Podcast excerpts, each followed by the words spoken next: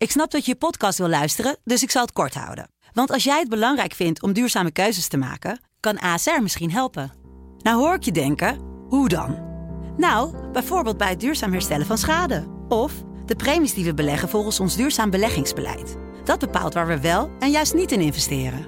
Wil je meer weten over welke duurzame keuzes ASR maakt? Ga dan naar asr.nl/slash duurzame keuzes. ASR doet het. Zo, dan kan je nu lekker naar je podcast luisteren.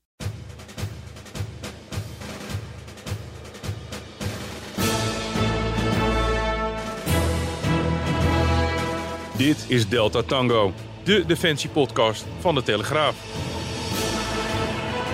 Zeker als je geen twee benen meer hebt, dan is überhaupt een verplaatsing naar je badkamer en op de wc-pot of in de bad gaan zitten is al een uitdaging. Ja, een duizelingwekkend aantal is het. Meer dan 10.000 Oekraïnse soldaten moeten armen of benen missen door mortiervuur of beschietingen. Artsen proberen hen in hun eigen land weer op te lappen en met kunstledematen uh, de zwaarste gevallen toch weer mobiel te maken.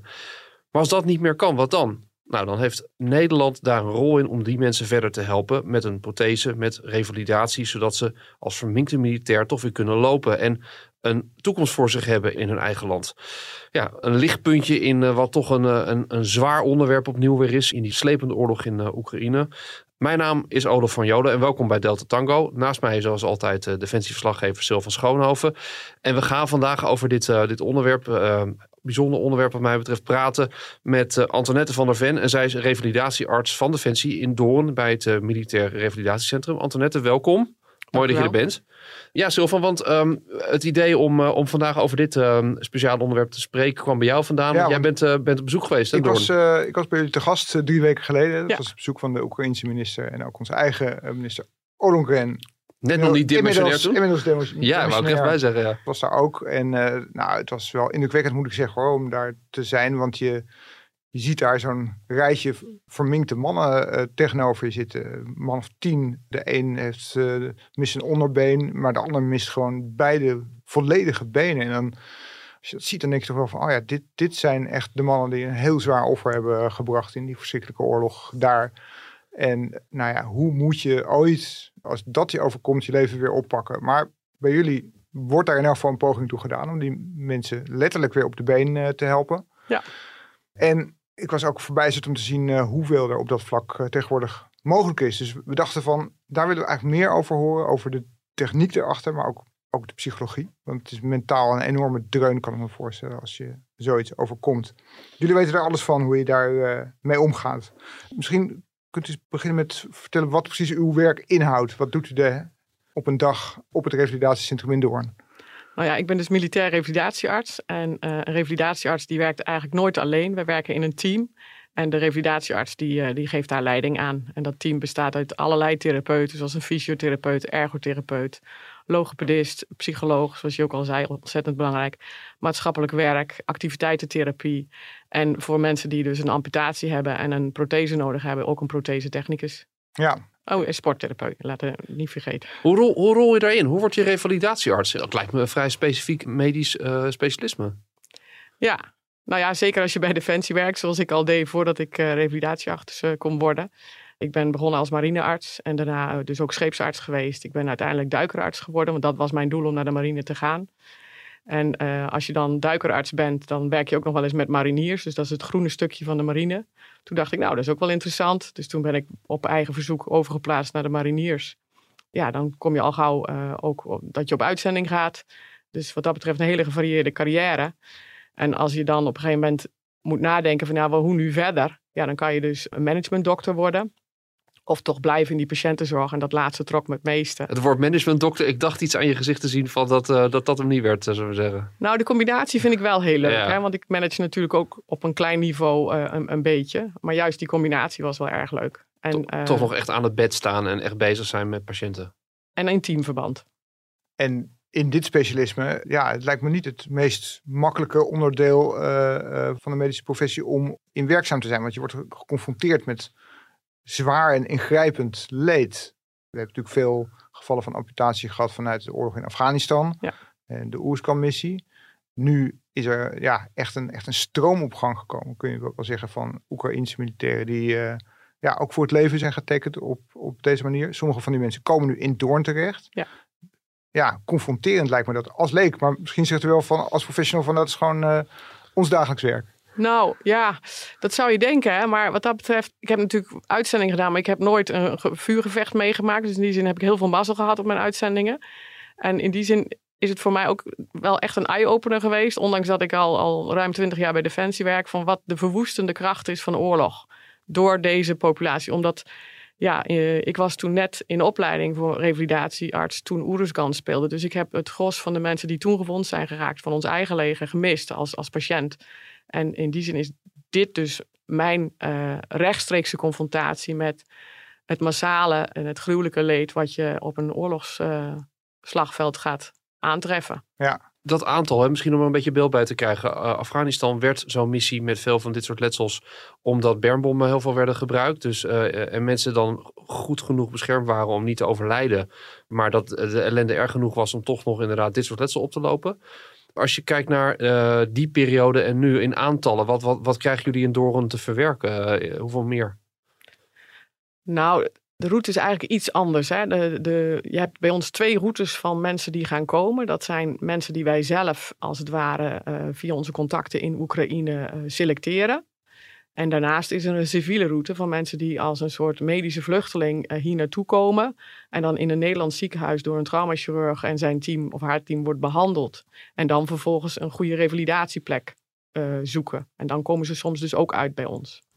Maar aantallen waar moet ik aan denken? Hoeveel mensen uh, hebben jullie nu in behandeling versus in de periode van Afghanistan? Ja, dat durf ik dus niet nee, goed te zeggen. Nee. Nee. Maar nu zitten daar uh, Uiteindelijk een hebben wij- tiental, 10, 20 uh, Oekraïners, Ja. geloof ik. Ja, en ik weet van die vier jaar dat eh, operatie Oeruzgan heeft gedraaid, eh, zijn het er uiteindelijk voor Nederland 29 amputatiepatiënten geweest. En natuurlijk nog legio andere gewonden. Maar van die, eh we hebben tot nu toe 32 eh, gewonde Oekraïnse militairen Ja. eh, behandeld. Toen ik daar was, sprak ik met, eh met Sergi. Ja. eh, zelf ook traumaarts Ja. eh, geweest van oorsprong. Hè? En hij was er eigenlijk, van al die mannen die daar waren, leek hij er het slechtste aan toe. Hij vertelde mij van, hij eh, zat in een voertuig en het voertuig re- reed op een antitankmijn. Hij lag tien dagen nou ja, in coma of was buiten bewustzijn. Toen hij bijkwam, toen keek hij naar beneden en zag je ja, twee stompjes waar zijn benen hadden gezeten. Beide benen waren eraf. Ja. En hij stond nu nog niet op twee kunstbenen, maar op twee ja, hele korte prothesen, waardoor hij ja, laag bij de grond moest werken aan zijn evenwicht. Bent u ook bij zijn geval betrokken geweest? eh, Nee, soortgelijke, maar deze Soort- is toevallig van een collega van, van mij. een collega. Ja. Ja. Ja, Want als ze in Nederland binnenkomen, dan zijn ze al behandeld voor, die, voor het trauma, voor die verwondingen. En dan wordt er gekeken naar van, oké, hoe kunnen we de weg naar boven weer vinden? Ja, deze specifieke meneer is eh, in eh, Oekraïne al helemaal uitbehandeld tot de prothesefase. Dat laatste ging, verliep daar anders dan wenselijk. Dus eh, uiteindelijk hebben wij hem eh, gevraagd of hij naar Nederland wilde komen om te voorzien, voorzien te worden van prothese. Hoe zit het dan? Want wij zijn daar dan beter in dan in Oekraïne zelf. Maar ging het, ging het daar niet goed? Of? Nou, beter in, dat vind ik nogal eh, aanmatigend. Dat mag wel. Oekraïne maakt natuurlijk een enorm steile leercurve door op het gebied van revalidatie. Hè. Het vak revalidatie bestond daar voor 2014 eigenlijk niet. Daarna was de inval in de, in de Krim en toen eh, hebben ze zichzelf eh, eh, enorm snel bijgespijkerd tot op een zeer hoog niveau nu. Alleen, ja, ze kampen nog wel met andere overtuigingen soms, maar ook gebrek aan middelen. De aantallen die je collega net noemde, de 10.000 slachtoffers, ja, dat houdt niemand bij. hoe goed je ook geoutilleerd zou zijn. Een van onze voordelen is bijvoorbeeld dat wij een orthopedisch technisch centrum op het terrein hebben.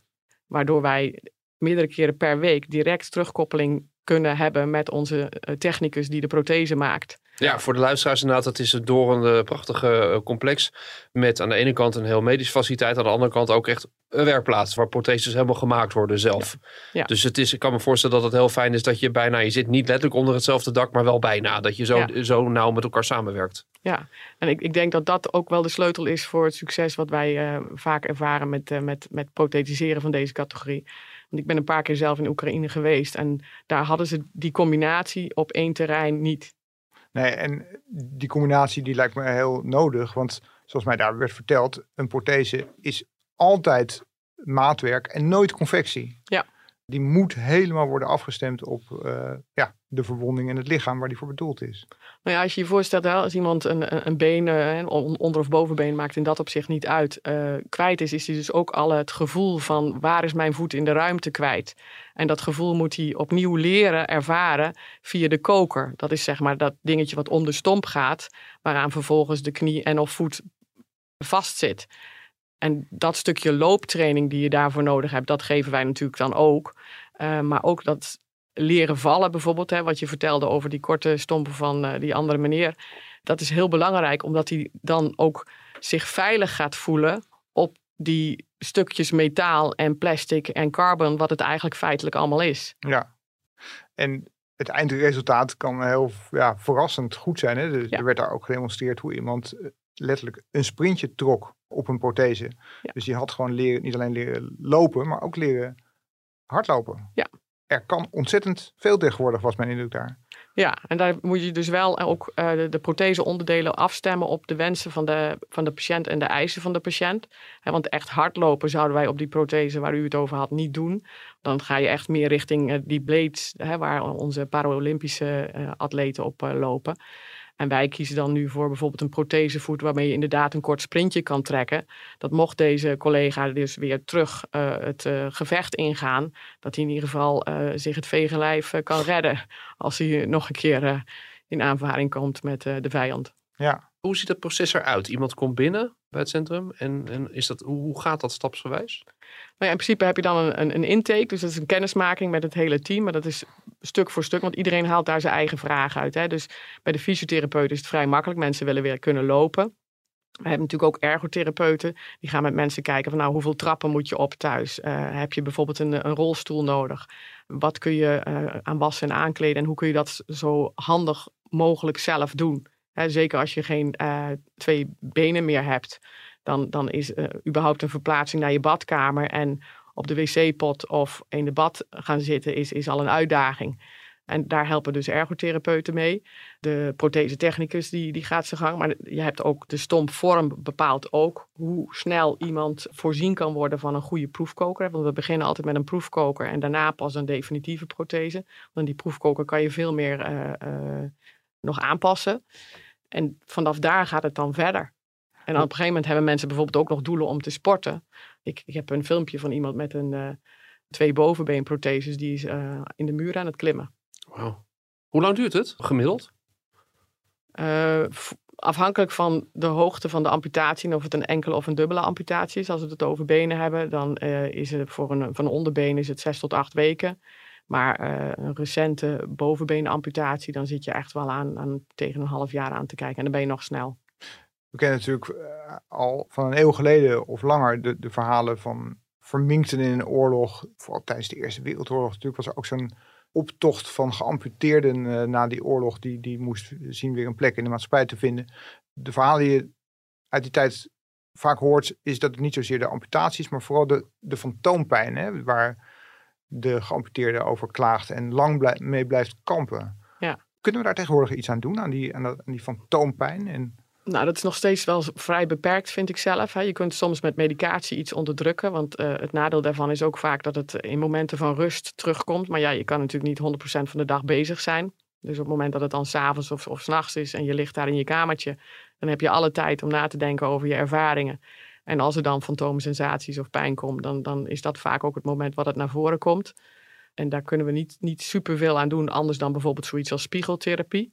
En dan gaan proberen we door eh, de bewegingen te mimieken met het niet aangedane zijde, dat het gevoel minder wordt. Maar dat is een beetje je, je, geest voor de gek houden eigenlijk. Ja, ik sprak net onze verslaggever gezondheidszorg, Renate, en zij, zij vertelde, ze had ooit een item gemaakt over de inzet van virtual reality bij het Ja. bestrijden van zeg maar, dat soort fantoomsensaties. Hoe, hoe speelt dat een rol tegenwoordig? Eh, niet bij ons, dus dat eh, zou ik niet kunnen zeggen. Wij hebben wel een grote virtual reality afdeling, waarbij mensen op een, eh, ik omschrijf het vaak als een soort 3D Wii. Dus er zit een loopband en dan kunnen ze loopoefeningen doen, terwijl ze tegelijkertijd staand en lopend een computerspel doen. Ja, En, en dat werkt wel heel goed om, om dat vertrouwen te krijgen in je prothese en ook meer automatisch te gaan lopen. ja maar dat, dat, dat helpt dan niet tegen die fantoompijn. Hè? Dus even, eh, voor- voor mensen die dat nog, nog niet weten. eh, dus, dus het gevoel hebben dat een missend lichaamsdeel nog steeds pijn doet. Of Ja. eh, koud is of warm is. Of in elk geval, eh, je voelt sensaties van een lichaamsdeel dat er niet meer is. En hoe wordt het veroorzaakt? Want die zenuwbanen die zijn geblokkeerd, afgesneden. Hoe ontstaat fantoompijn? Nou, daar weet ik eerlijk gezegd niet het fijne van af. De, het idee is een beetje doordat die zenuwen geen eh, doel meer hebben. In de vorm van een spier die ze moeten aansturen of een, gevoelsgebied wat ze moeten voorzien. Dat ze verkeerde signalen gaan doorgeven. En er is wel een relatie met hè, als je langdurig bekneld bent geweest. Hè, waardoor die zenuw heel langzaam richting zijn einde is gegaan, zeg maar. Dat dat het gevoel bevordert.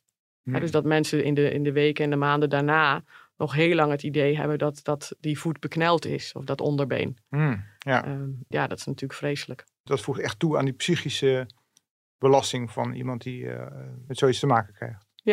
Hoewel eh, een van die, die die meneer die ook is gaan klimmen uiteindelijk, die had dus 19 uur beklemd gelegen onder een gebouw.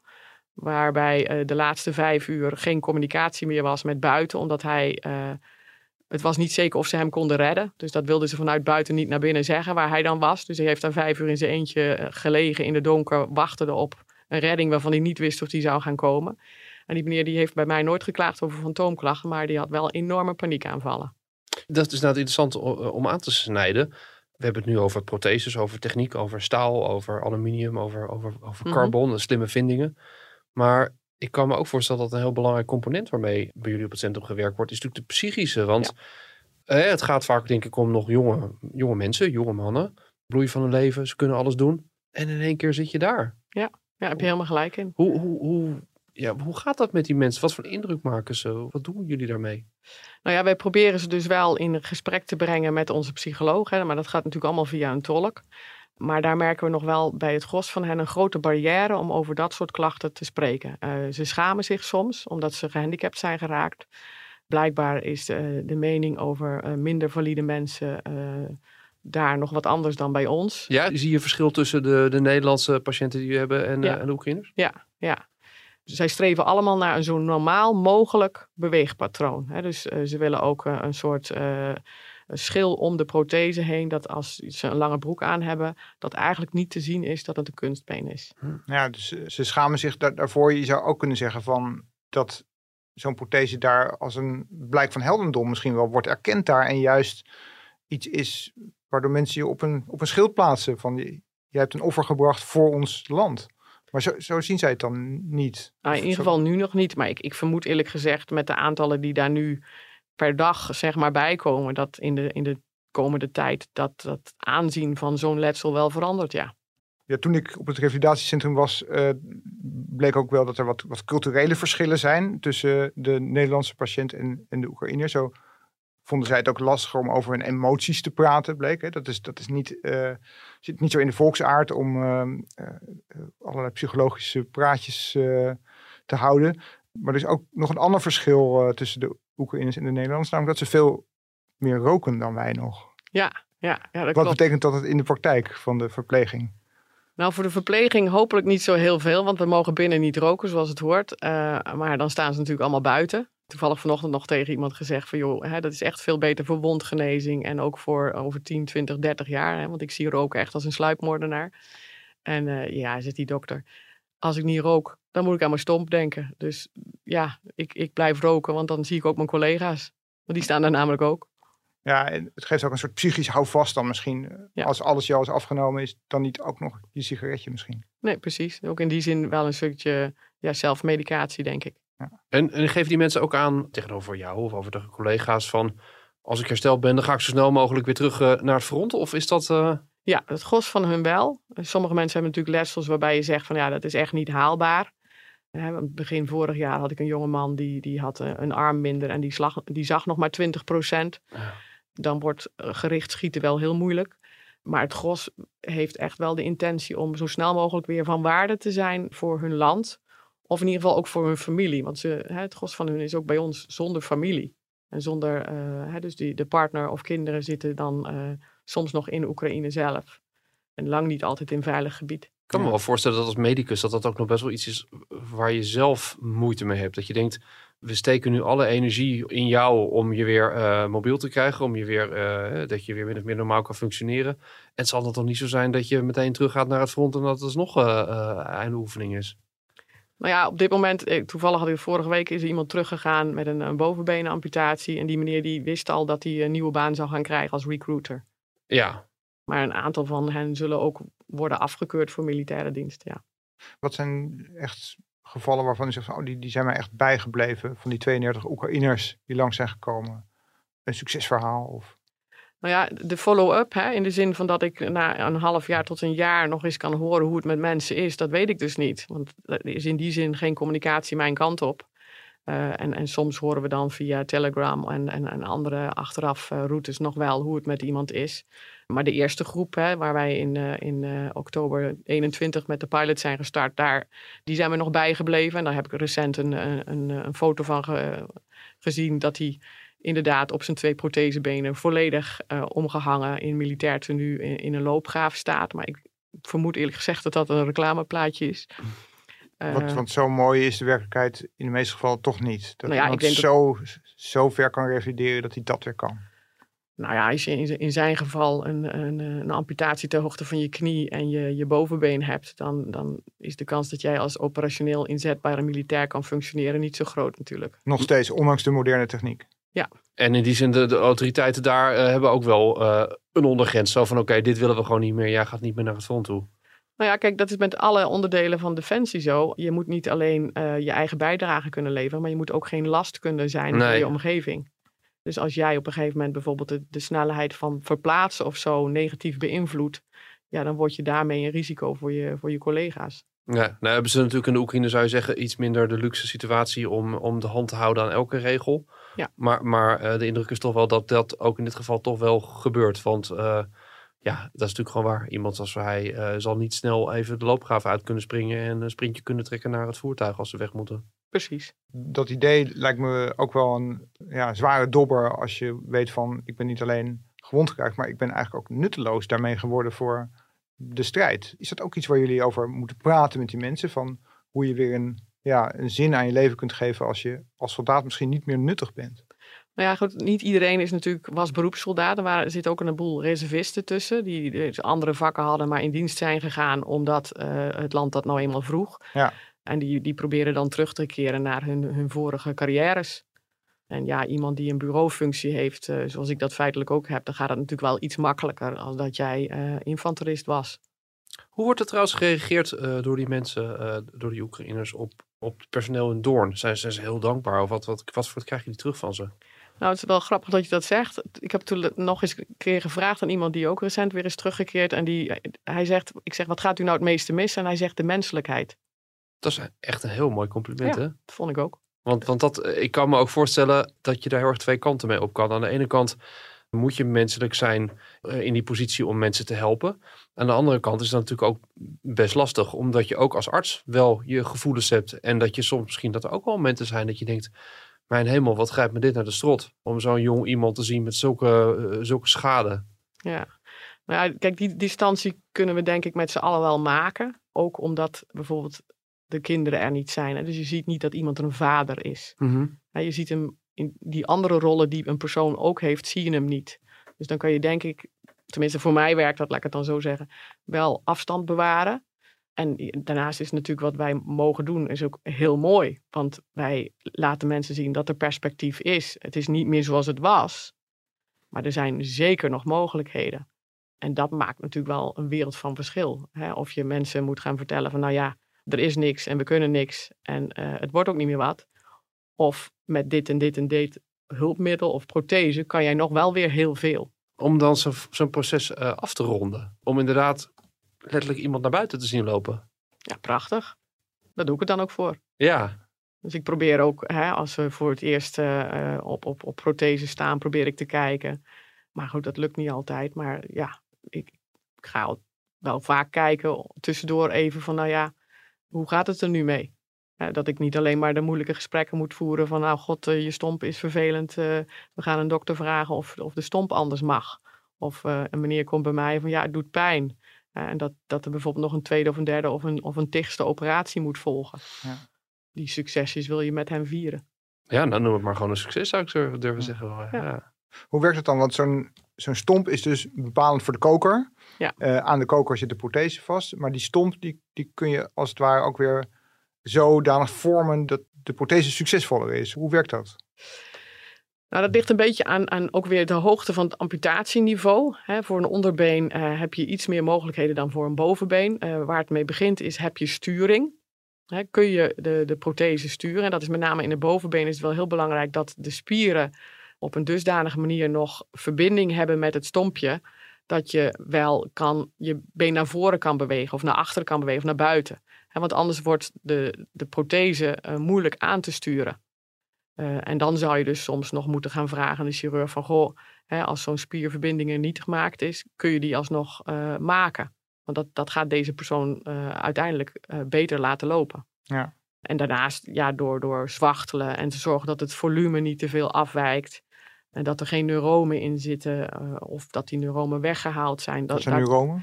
Oh ja, sorry. Dat zijn, een neuroom is zeg maar een uitgroeisel van een zenuw die geen doel meer heeft. En die gaat dan een beetje woekeren. Dan wordt een soort bloemkooltje. En die zitten vaak op verdomd irritante plekken. Dat op het moment dat mensen dan de koker aan hebben, dat het is alsof je een elektrisch schokje krijgt. Nou ja, Oh. dat, dat is echt voor Ja. niemand fijn. Nee, Ja. het klinkt, het klinkt al heel erg onaangenaam. Alleen Ja. al de omschrijving. eh, ja, ja. ja. Nou, wat dat betreft is het ook heel fijn dat we goed kunnen samenwerken met de andere ziekenhuizen. Bijvoorbeeld in ons geval dan met name het UMCU. ja. Waar wij dus eh, kunnen overleggen met de traumachirurg daar. En dat iemand dan snel gezien kan worden en ook geholpen kan worden. We hebben natuurlijk gezien, hè, denk ik, door de jaren heen dat het allemaal enorm ontwikkeld is. Protheses zijn veel beter geworden en slimmer. Met wel het meest aansprekende voorbeeld, denk ik, voor een hoop mensen, de blades. eh, dat je plotseling mensen ziet hardlopen met een tempo dat je denkt, eh, ik heb gewone benen, dat ga ik in een miljoen jaar niet redden. Ja, wat zit er, zullen we zeggen, nog in het vat? Wat voor soort ontwikkelingen gaan we nog, nog zien die, die, die, die dit soort mensen weer nog een stap verder kan helpen? Nou, voor de benen zou ik dat zo gauw niet weten. Maar ik weet wel met, met armamputatie, want dat hebben mensen natuurlijk soms ook. eh, is puur door de oorlogen in Irak en Afghanistan heeft dat een enorme vlucht gehad. Die ontwikkeling in kunstarmen. Alleen, ja, voorlopig is het zo dat de conventionele grijphand nog steeds sneller en makkelijker aan te sturen is dan zo'n multi-articulaire hand. Want daar heb je Dat is een, soort nieuwe eh, superslimme arm, eh multi-articulair? Nou, de hand zelf is nooit slim. Nee. Hij is zo slimmer dat je hem eh, programmeert. Maar eh, waar het om gaat is, je hebt aansturing nodig vanuit bijvoorbeeld je onderarm of je bovenarm. Waardoor je dus de prothesehand kan aansturen. Maar als je dan een, een, een body-powered systeem hebt met, met draadjes, waarbij je dus gewoon puur door het aanspannen van je schouder de hand open of dicht kan doen, dan is dat altijd sneller dan zo'n multi-articulaire hand waar de vertraging van de, van de computer er nog tussen hebt zitten. Ja, Hmm. maar, maar daar hebben we het inmiddels over. Echt computergestuurde protheses heb je Ja. eh, voor de armen. Ja. Werkt dat heb- voor benen ook zo dan? Kun je benen ook op een gegeven moment toch weer koppelen aan zenuwimpulsen? Nou, niet dat ik weet. In die zin eh, dat eh, er is natuurlijk recent eh, een meneer geweest die met een implantaat, met een dwarslesie, eh, weer is kunnen gaan lopen. Maar dat, dat is er dan één van de twee nu in de wereld. Dat, dat is voorlopig voor onze populatie niet haalbaar. Nee, maar dat, je zou kunnen zeggen dat, dat dat is wel misschien iets wat aan de horizon verschijnt. Eh, ja, we zien natuurlijk allemaal die, eh, die robots van Boston Dynamics, hè, die YouTube-filmpjes van, van die robots die op bijna ja, menselijk lijkende ledematen zich eh, soepel voortbewegen. Allemaal natuurlijk met elektrische impulsen. En je, je zou op een gegeven moment denken van kun je niet die vertaalslag maken van zo'n zenuwimpuls naar een elektrische beweging, elektrisch aangestuurde beweging, om dan nog meer beweging terug te krijgen. Misschien wel, maar dat zou je dan aan iemand anders moeten vragen. Hoe ziet de komende tijd eh, er voor eh, de mensen in Doorn uit? Is het soms groepsgewijs blijven de Oekraïners komen? Is er nog iets wat jaren eh, zal doorgaan? Voorlopig is het aanbod natuurlijk groot. Ja. Eh, en eh, de oorlog is nog niet eh, over. En dat eh, zou nog best wel een tijdje kunnen aanduren. Dus wij, wij blijven op deze manier Oekraïne ondersteunen. En het mooiste nou zou natuurlijk zijn dat er op een gegeven moment de capaciteit in de Oekraïne om dit soort dingen te doen eh, eh, ook vergroot wordt. Want het is niet zo dat zij het helemaal niet kunnen. Ze kunnen het zeker ook wel. Alleen, ja, eh, het aanbod is dusdanig groot. Het loopt ze gewoon over de schoenen. Hoe goed Ja, je ook precies. bent, dit kan je Ja. niet aan. Ja, het het, is- het het is- dure zorg, hè? Ja, dat Ja. lijkt me ook. Is het niet zo dat hierdoor, doordat Nederland nu eh Oekraïners behandelt, eh, dat er geen plek is voor Nederlandse militairen die zo'n traject nodig zouden hebben? Nee, nooit. Gelukkig hebben wij nu op dit moment eh, niet de type missies loopt er waarbij dit soort risico's er is. Maar, maar het kan natuurlijk altijd gebeuren, ook een Ja. bedrijfsongeval of wat dan ook. Ja. Dan is er altijd wel gewoon plek ook voor Nederlandse militairen die, Zeker. die het nodig hebben. Ja, Ja. Het is een Nederlands militair revalidatiecentrum. Kunnen wij hè, als, als eh, Europese samenwerkende landen de stroom eigenlijk überhaupt nog wel aan? Als je het hebt over die aantallen, we begonnen met 10.000 militairen. Dat is zoveel. Als je bedenkt dat het allemaal protheses, dat het allemaal maatwerk is, dan denk je van nou, dat is te veel om überhaupt aan te kunnen. Nou, het zijn natuurlijk niet allemaal mensen met protheses. Hè. Ik bedoel, eh, letsels zijn ook zenuwen van gebroken benen. En dan proberen ze natuurlijk met man en macht dat ledemaat nog te redden. En die worden via de, het, het, het LCPS, wat voorheen de coronazorg deed, of de coronadistributie zeg maar, die hebben zich nu meer toegelegd op het, eh, eh, voor Nederland coördineren van dit soort patiëntenstroom. Dus er zijn vragen vanuit Oekraïne, die worden door Nederlandse chirurgen opgepakt. En dan zeggen zij van nou, wij zouden die persoon willen hebben. Dan wordt door het LCPS dat transport gefaciliteerd. Dan gaat die persoon naar een chirurg hier ergens in een ziekenhuis in Nederland. En die eh, verwijst dan eventueel naar ons. En dan, daar zitten soms maanden tussen dat eh, iemand in een Nederlands ziekenhuis ligt. eh, en allerlei operaties moet ondergaan. Allerlei infecties met, met de nodige pathogenen moet overleven. Waarbij dus soms dan uiteindelijk na, na een half jaar, drie kwart jaar alsnog besloten moet worden om dat been te amputeren. En het is dure zorg, hè, ze- zei u. Dus omdat het allemaal maatwerk is, omdat, omdat dat traject zo, zo lang is. Wat kost een prothese om die op maat te laten maken? Eh, nou, dat durf ik niet precies te zeggen. Ik kan wel zeggen hoeveel zo'n computergestuurde knie is. Ongeveer 26.000 euro. Daar komt dan aan, aan andere onderdelen nog zo'n zo'n 5.000, 6.000 bij. Maar daarnaast is natuurlijk eh, het feit dat de, de, de, hè, überhaupt dat iemand kost en inwoning heeft. Ja. Eh, de, de therapeuten die hun werk doen. ja, dat, dat maakt het een, een, een, een duur, duur grapje. Ja, Ja, Sylvan, het is, ehm, het is een fascinerend inkijkje in deze wereld. En eh, dat vind ik ook heel vaak wel. Je beseft niet dat dat, dat ook defensie is. Hè? Eh, Antoinette draagt het uniform. Maar eh, de meeste mensen denken bij militairen toch heel vaak toch aan, aan infanteristen, mensen in veld of mensen op een schip. Maar dat die veelheid van, van functies, veelheid van specialismen, dat is ook dit soort kennis binnen de krijgsmacht aanwezig is. Ik, ik blijf dat altijd heel fascinerend vonden, vinden. Dankjewel dat je vandaag ons uh, uh, willen bijpraten over dit onderwerp. En heel veel succes de komende tijd. Je gaf het zelf al aan. Voorlopig zal er nog wel werk zijn. Maar ja, toch ook heel mooi dat Nederland op deze manier een steentje bijdraagt aan het ondersteunen van Oekraïne. Dit was Delta Tango voor deze week. We hopen dat je het interessant vond. En als dat zo is, laat dat weten door een recensie achter te laten of abonneer als je dat niet hebt gedaan, zodat je geen aflevering meer hoeft te missen. Wij zijn er over twee weken weer met een onderwerp uit de wereld van defensie en internationale veiligheid.